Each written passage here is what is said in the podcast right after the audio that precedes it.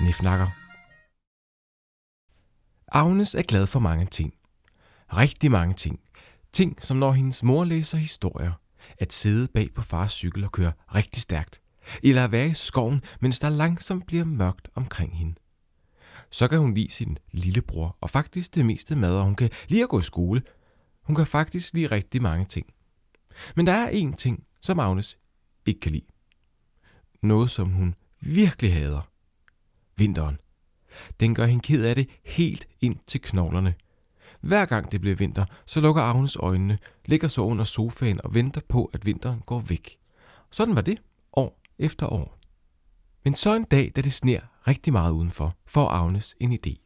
En fantastisk idé, synes hun selv i hvert fald. Hun beslutter sig for at stoppe vinteren.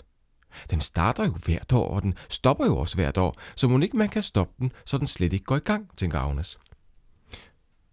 Nu pakker hun sig ind i sit varmeste tøj, fylder lommerne med chokolade og kanelstænger og begynder at gå den vej, hvor vinden kommer fra. Agnes går langt.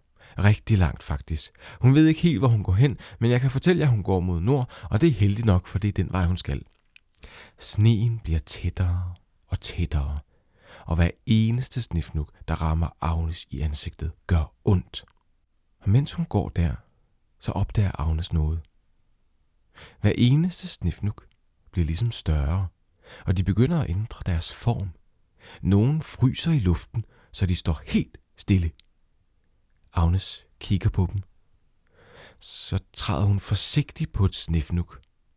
Det går ikke i stykker. Så hopper hun op på det. Og, og på et til. Og et til. Det er som om, at alle snifnukkene danner en slags trappe, der går op til skyerne.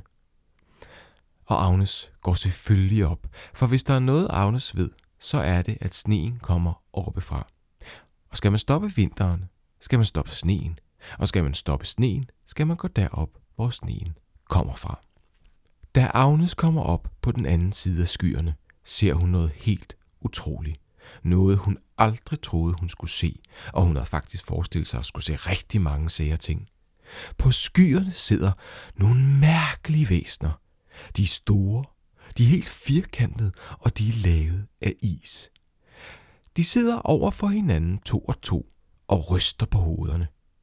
Hver gang de ryster på hovederne, så fyrer det rundt om dem med kæmpe snifnuk, og de flyver ud i verden og bliver til snestorme, til kælkebakker, til frosne søer og smatveje i Varde. Disse væsner, de har et navn. De hedder nemlig snifnakker. Og der sad snefnakker i hundredvis på disse skyer.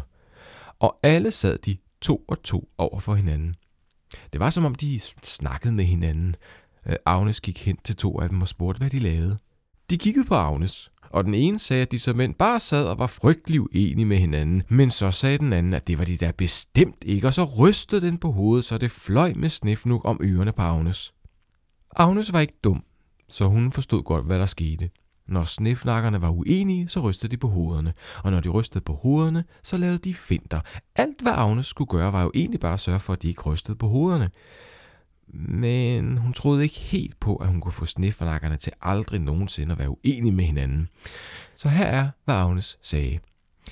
Hør nu her, kære snifnakker. I skulle skamme jer. Det er helt okay at være uenige. Det er jeg hele tiden, også med andre. Men det er simpelthen ikke så pænt bare at ryste på hovederne af, hvad andre siger. Nej, i skulle hellere tage at være lidt mere anerkendende og prøve at nikke. Så kan I fx sige noget i retning af, spændende synspunkt, jeg hører, hvad du siger, men stiller mig ganske uenig. Må jeg have lov til at fremsige mit synspunkt på denne sag? Og så skal I bare nikke stille anerkendende til hinanden. Så får I det meget bedre i maverne, og jeg slipper for alt den skrækkelige vinter. Snifnakkerne kiggede på hinanden. Så var der en snifnak, der sagde, at Agnes der var en underlig snegl, som skulle tage og skride sin vej. Og så sagde de andre snifnakker, at Agnes rigtig nok var en underlig snegl, der skulle tage og skride sin vej. Og så nikkede de alle sammen anerkendende til hinanden og blev helt glade i maverne over at være enige. Og så begyndte de at grine, så det dryssede med små snifnuk fra dem. Så skubbede de Agnes ned fra snifnuktrappen og smækkede skyen efter hende. Agnes var i dårlig humør. Dumme snifnakker. Hun havde ikke stoppet vinteren, som hun havde håbet på.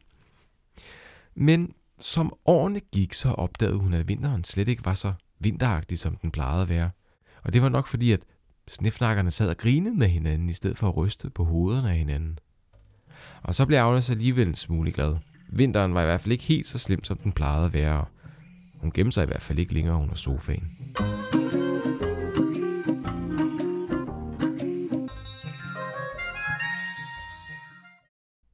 Nu er historien slut. Mit navn det er Mathias Elmose, og det er mig, der fortæller historien, og det er også mig, der har fundet på den, og jeg har fundet på den til dig. Og måske du kunne lide den, måske synes du, den var sjov, måske fik den dig til at tænke over nogle ting, eller også synes du bare, den var mærkelig, eller måske helt vildt kedelig. Men lige meget hvad du synes, så er jeg i hvert fald glad for, at du lyttede med. Musikken, som du har hørt, den var lavet af min storebror Janus Nørgaard. Skør musik til skøre historier. Det synes jeg passer vældig godt sammen. Lidt ligesom vaniljeis og chokoladekrymmel.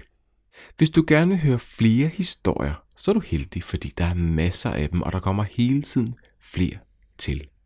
Så nu vil jeg bare sige tak og rigtig god viskelakris.